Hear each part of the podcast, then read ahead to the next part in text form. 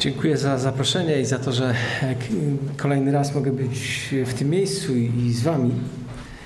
E, śpiewaliśmy jedną z ostatnich tych pieśni. Postanowiłem iść za Jezusem. Autorem jest Sadhu Sundar Singh. To jest Hindus, który nawrócił się, pochodził z bardzo postawi wysoko postawionej rodziny, na ile pamiętam, bramińskiej gdzieś tam w Indiach i był bardzo prześladowany przez swoich najbliższych.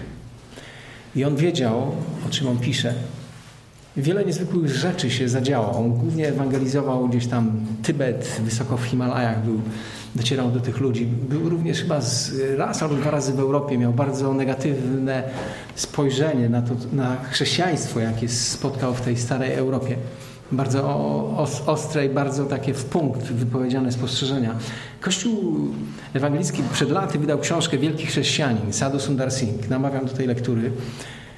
I pamiętam taką jedną historię, którą opowiedział, jak szedł gdzieś wysoko w górach i z drugim człowiekiem. W pewnym momencie zobaczyli, że był duży, obfity opad śniegu i zobaczyli takiego zasypanego człowieka. I, taka górka jakaś była, podeszli, a tam był żywy człowiek, który po prostu już zamarzał. I on w ten czas temu z kimś szedł, zaproponował, mówi, zatroszmy się o niego. Pomóżmy mu dojść do tej najbliższej wsi. A tamten powiedział, przecież my sami jesteśmy w niebezpiecznej sytuacji, możemy zamarznąć. I odszedł ten człowiek. I Sadhu Sundar Singh sam został z tym człowiekiem. Wziął go na swoje plecy. I krok za krokiem zaczął go nieść. Od ciepłoty jego ciała rozgrzał się tam ten człowiek. I po jakimś czasie, już dochodząc do tej wioski, znaleźli zasypanego tego pierwszego który nie chciał zaryzykować pomocy dla drugiego umierającego człowieka. Niezwykły człowiek, wielki chrześcijanin. Nie stracisz czasu, jak dotkniesz historii jego życia. Myślę, że dzisiaj trudno byłoby wśród nas, wśród nas znaleźć człowieka nieochrzczonego. Ale ilu, ilu spośród nas tak naprawdę ma świadomość i wie, co to znaczy być ochrzczonym. Niektórzy powiedzą tak, no przecież trzeba mieć nadane imię, no więc imię się nadaje w momencie chrztu, no więc potrzebne jest chrzest, ale to nie jest prawdą. Każdy otrzymał imię, gdy urzędnik gdzieś tam w rejestrze, w Urzędzie Stanu Cywilnego wpisał y, nasze imię. Do tego nie potrzeba chrztu. Istnieje wiele nieporozumień odnośnie znaczenia, formy, osób, które mogą przystępować do chrztu. Wiecie, jak daleko odeszliśmy od biblijnego znaczenia chrztu, że nawet zaczęliśmy chrzcić okręty. Teraz już przemysł stoczniowy w Polsce nie jest taki, jak był, ale przedtem było bardzo dużo tego typu uroczystości. Chrzczono nawet okręty, więc o co chodzi z tym, z tym chrztem? Jaka jest prawda? Jedne kościoły nauczą, że, nauczają, że należy chrzcić dzieci, inne kościoły, wspólnoty nauczają, że należy chrzcić osoby dorosłe. Jedni chrześcijanie obstają przy polaniu, inni przy pokropieniu, jeszcze inni przy zanurzeniu. Gdzie można znaleźć właściwą odpowiedź na te pytania? Który kościół, jakie wspólnoty mają właściwe nauczanie na tę sprawę? Te, które istnieją, których historia rozciąga się na przestrzeni tysięcy, setek lat, czy może te, które istnieją dopiero 200-300 lat? Kto ma rację? Gdzie i od kogo możemy usłyszeć prawdę, właściwe nauczanie na temat formy i znaczenia chrztu? Wiesz, w historii ludzkości pojawił się taki człowiek, który pewnego dnia powiedział: Ja jestem drogą, ja jestem prawdą ja jestem życiem. On nie mówił, że ja mam ciekawe poglądy na temat życia, ja wam coś ciekawego powiem o prawdzie, ja wam powiem, ja wam powiem jak, mam, jak można żyć dobrze. Nie, nie, on tak nie powiedział. On powiedział, ja jestem drogą, ja jestem prawdą, ja jestem życiem. Musimy sobie uświadomić, że chrześcijaństwo powstało i istnieje nie dzięki istnieniu Kościoła rzymskokatolickiego, prawosławnego czy protestanckiego. Żaden z tych kościołów nie zrodził ani nie powstrzymuje chrześcijaństwa. Chrześcijaństwo istnieje, powstało dzięki jednej osobie. Nazywa się Jezus Chrystus. Tego, który mówi, że jestem drogą, jestem prawdą, jestem życiem. Gdzie więc możemy znaleźć właściwą odpowiedź na te pytania dotyczące znaczenia i formy chrztu? Gdzie? W którym kościele? Jest jedna logiczna odpowiedź. Musimy zacząć słuchać tego, który powiedział sobie, że jest prawdą, jest drogą, jest życiem. Czyli Jezus Chrystus, konkretnie Jego słowo, Jego słowa, czyli Pismo Święte, jest jedynym bezpiecznym, wiarygodnym źródłem prawdy dotyczącej chrześcijaństwa, dotyczącej również chrztu. Jak już powiedziałem, jedne kościoły, wyznania chrześcijańskie powiadają, że należy chrzcić dzieci, inne kościoły e, wyznania utrzymują, że należy chrzcić dorosłych. Rodzi to problem. Ale ja dziękuję za Boże Słowo i zechciejmy posłuchać tego, co Jezus mówi w tym temacie. Jezus nie nauczał, że należy chrzcić dzieci i Jezus nie nauczał, że należy chrzcić dorosłych. Patrzycie, że głoszę herezję. Nie. Wiesz, o czym Jezus nauczał? Jezus nauczał o chrzcie wiary. On nie nauczał o chrzcie dzieci, ani nie nauczał o chrzcie dorosłych. Ale jednoznacznie ta jego księga mówi o chrzcie wiary. Posłuchajmy, cytuję, Marek 16 rozdział, 15-16 werset. Chodzi o wypowiedź Jezusa. I rzekł im, idąc na cały świat, głoście Ewangelię wszystkiemu stworzeniu. Kto uwierzy i ochrzczony zostanie, będzie zbawiony. Ale kto nie uwierzy, będzie potępiony. Kolejny fragment pisma. Nawróćcie się i niech każdy z was ochrzci się w imię Jezusa Chrystusa. Ci więc, którzy przyjęli Jego naukę, zostali ochrzczeni. Dzieje apostolskie, drugi rozdział, 28 werset. Jeszcze jeden fragment. Historia z dziejów apostolskich. Filip opowiedział mu dobrą nowinę o Jezusie, takiemu zwierzchnikowi królowej Kandaki. Oto woda, powiedział dworzanin. Cóż przeszkadza, abym został ochrzczony? Odpowiedział Filip. Jeżeli wierzysz z całego serca, możesz. Odpowiadając rzekł, wierzę, że Jezus Chrystus jest Synem Bożym. I kazał zatrzymać wóz. I obaj zeszli do wody i ochrzcił go. Kto uwierzy i ochrzczony zostanie, będzie zbawiony, ale kto nie uwierzy, będzie potępiony. Ta wypowiedź uczy nas bardzo ważnych rzeczy dotyczących tego, jakim ważnym jest chrzest. Ale gdy patrzę na rzeczywistość, w której żyję, to gdy obserwuję miliony ludzi, którzy żyją w naszym kraju, żyją w chrześcijańskiej Europie, pomimo, że zostali ochrzczeni, to wydaje się, że nie ma większego pożytku z tego, że zostali ochrzczeni. Widać to doskonale w naszym kraju. Prawie 95-97% ludzi zostało ochrzczonych. A jakie jest życie naszego narodu? Dlaczego boimy się wieczorem wyjść do miejsca, w którym nie ma za dużo światła? Dlaczego tysiące nienarodzonych dzieci w wyniku turystyki aborcyjnej ma przerwane życie? Dlaczego ponad milion rodaków każdego dnia jest pijanych kompletnie w moim kraju? Dlaczego tak jest? Dlaczego więzienia są przepełnione? Jeżeli 97% ludzi w tym kraju zostało ochrzczonych i jeżeli chrzest gładzi grzech, to dlaczego mój kraj jest tak pełen grzechu? Zdaje się, że to dość logiczne pytanie, prawda? Chcę powiedzieć, że woda chrztu nie zawiera sama w sobie czegoś magicznego, jakiejś specjalnej łaski. Możemy być wielokrotnie ochrzczeni, ale to nam nic nie pomoże. W czym jest więc problem? Co zawiera tę tajemnicę nowego życia? I widzimy, że sam obrządek chrztu, sakrament chrztu nie zmienił w naszym kraju życia milionów ludzi. Wiesz, wiesz, gdzie jest tajemnica? Tajemnica kryje się w słowach, kto uwierzy. Kto uwierzy, to jest jedyna konieczna rzecz, ale kto nie uwierzy, cytuję Jezusa, kto nie uwierzy, będzie potępiony. Mogę być ochrzczony, mogę być członkiem kościoła, może mogę regularnie uczestniczyć w komunii, mogę nawet intelektualnie, rozumowo akceptować kredo mojego kościoła, ale to wszystko nie przyniesie najmniejszego pożytku, w moim życiu, gdy będzie brak zbawiającej wiary w moim życiu. Mam pytanie. Czy masz tę wiarę? Czy naprawdę uwierzyłeś?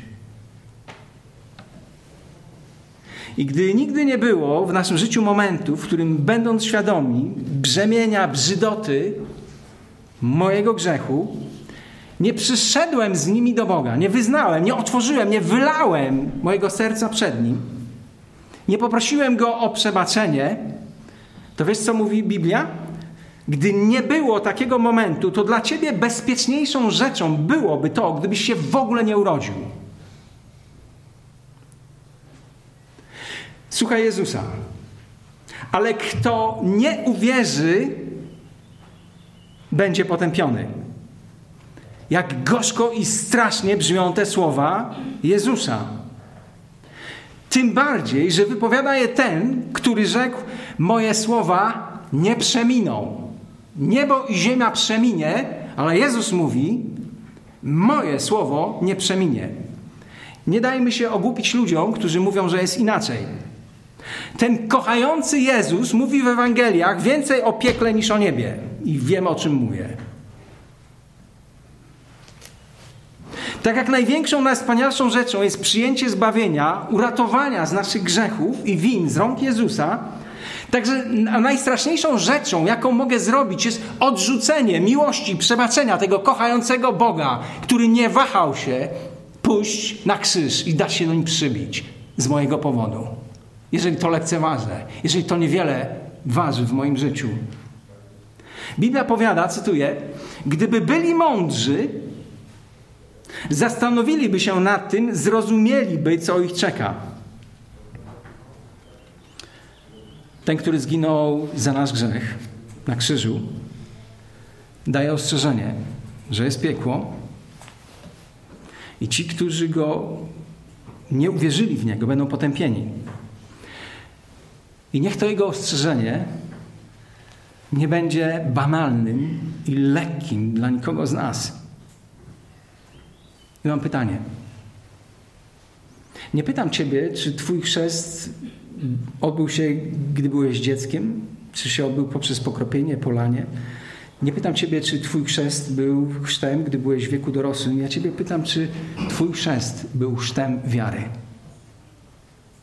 Bo tylko to ma znaczenie. Czy uwierzyłeś?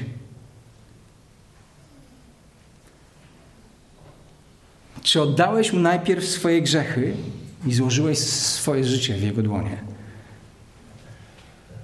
Czy pozwoliłeś mu być Bogiem? Czy ten zmartwychwstały Pan jest Twoim Panem? Kto uwierzy i ochrzczony zostanie, będzie zbawiony. Czy uwierzyłeś? Przez chwilę zastanówmy się nad formą chrztu, czyli nad tym, jak powinien być dokonywany. Czy powinniśmy polewać, kropić, zanurzać? Gdzie możemy znaleźć właściwą odpowiedź? Już wiemy, w Piśmie Świętym, w tym, co naucza Jezus. Cytuję Pismo. I stało się w owe dni, że przyszedł Jezus z Nazaretu Galilejskiego i został ochrzczony przez Jana w Jordanie. I słuchaj, i zaraz, kiedy wychodził z wody, Ewangelia Marka, pierwszy rozdział, dziewiąty, dziesiąty werset. Zauważyłeś to, kiedy wychodził z wody? Tak mówi ewangelista Marek. A Mateusz wiesz jak mówi? A gdy Jezus został ochrzczony, wnet wystąpił z wody. O Etiopczyku, który uwierzył w Pana Jezusa, czytamy następujące słowa. Zeszli obaj, Filip i Eunuch, do wody i ochrzcił go, gdy zaś wyszli z wody. Mówi coś to o formie chrztu? Słowo chrzcić po grecku brzmi baptizo. Tłumaczymy jako zanurzyć, ponurzyć, ukąpać, pogrążyć, zatopić. I statek na morzu, gdy była burza, gdy Grecy używali słowa baptizo, to znaczy, że był zatapiany przez żywioł. Był baptizo.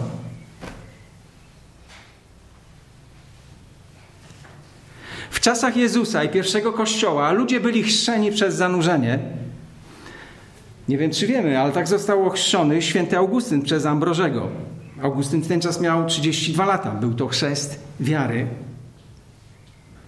14 kwietnia 966. Powinniśmy znać tą datę. Władca książę Polski Mieszko został ochrzczony w Polsce przez zanurzenie. Skąd o tym wiemy? W Wiślicy w 1958 roku odkryto ośmioboczną misję, misę o średnicy 4,2 metra. Niektórzy naukowcy mówią, że, że to była chścielnica. Nie, to było baptysterium. Nie potrzeba chścielnicy wielkości ponad 4 metrów średnicy. Gdzie to znaleziono? W jednym z najstarszych polskich kościołów. W Wiślicy. Chcę powiedzieć, że nie wymyślamy czegoś nowego. Raczej pokornie wracamy do tego, co nauczał Jezus i czego nauczali apostołowie. Pytanie. Dlaczego ważnym jest zanurzenie w momencie chrztu? Dlaczego zanurzono pierwszych chrześcijan? Wiesz dlaczego? Bo był to znak, że najpierw my musimy umrzeć dla siebie, żebyśmy mogli powstać do nowego życia. Słyszałem jednego misjonarza, który opowiadał o tym, jak dużo Afrykanów gdzieś się nawróciło w okolicach Sahary i tam bardzo trudno znaleźć taką ilość wody, gdzie można kogoś zanurzyć. To wiecie, jak sobie to wymyślili? W tym piasku pustynnym kopali dwumetrowej głębokości dół. I ktoś, kto przystępował do chrztu, wchodził do tego dołu i potem wychodził. Doskonały obraz tego, czym jest chrzest. Najpierw umierasz dla siebie, dla swojego egoizmu, dla takiej postawy ja jestem najważniejszy, ja jestem Panem. I gdy to się stanie, Duch Boży może zrobić zmianę w Twoim sercu, w Twoim życiu.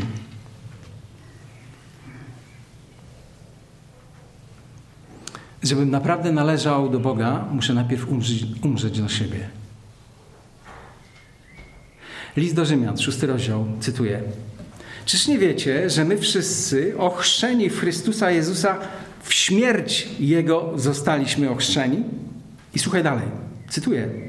Pogrzebani tedy jesteśmy wraz z Nim przez chrzest w śmierć, abyśmy jak Chrystus skrzeszony został z martwych przez chwałę Ojca, tak my nowe życie prowadzili. Przed tym zmartwychwstaniem, wiesz co nastąpiło najpierw? Śmierć. I tego obrazem jest chrzest umieram dla starego życia, w którym Bóg nie był najważniejszą osobą w moim życiu. Pogrzebani tedy jesteśmy wraz z Nim przez chrzest w śmierć. Chrzest więc przede wszystkim jest czymś w rodzaju wyroku śmierci.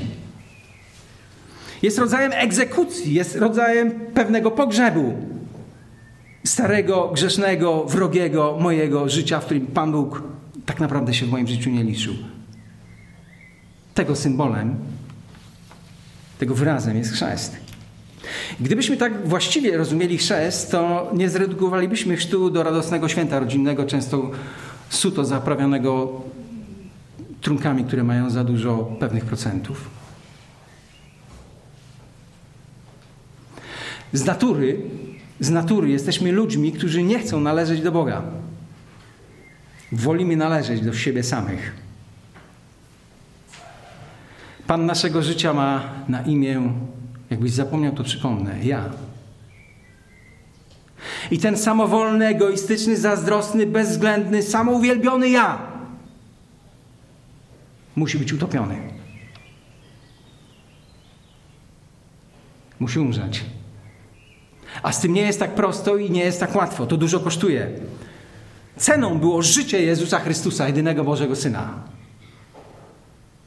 Żeby to mogło być rzeczywistością, która będzie wpływała i zmieniała moje życie. I wierzyć w Jezusa, wierzyć w Chrystusa oznacza, że zechciałem, postanowiłem tego ja Pan ukrzyżować z Jezusem Chrystusem.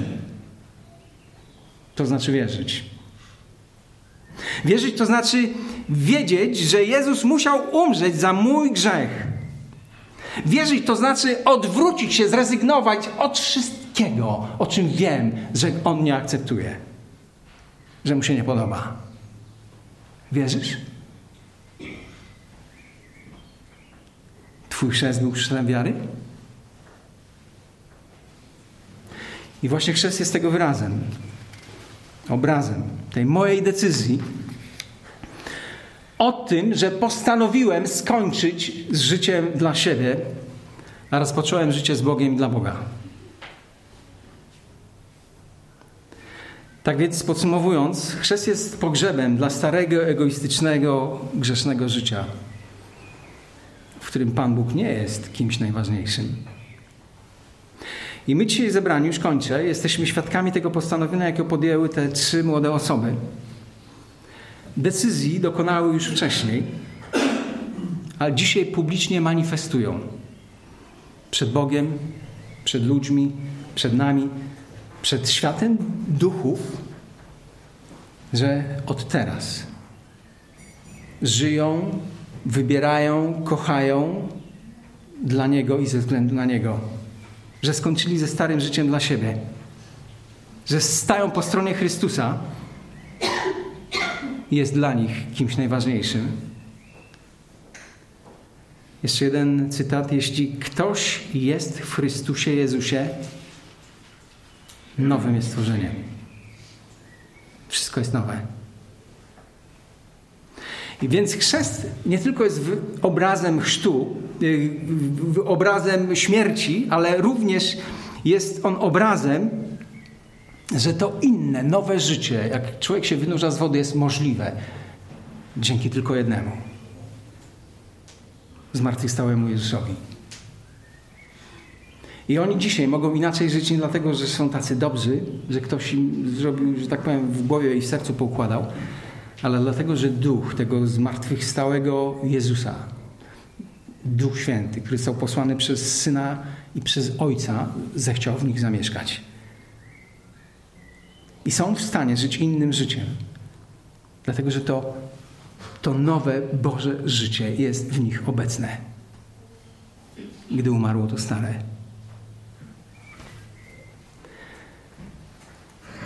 Kończąc, jeszcze raz zacytuję słowa Jezusa. Kto uwierzy i ochrzczony zostanie, będzie zbawiony. Ale kto nie uwierzy, będzie potępiony. Ostatnie moje pytanie. Czy ty uwierzyłeś? Czy naprawdę wierzysz? Jeżeli nie, to życzę Ci z całego serca, żeby stało się to rzeczywistością, w której żyjesz. Amen.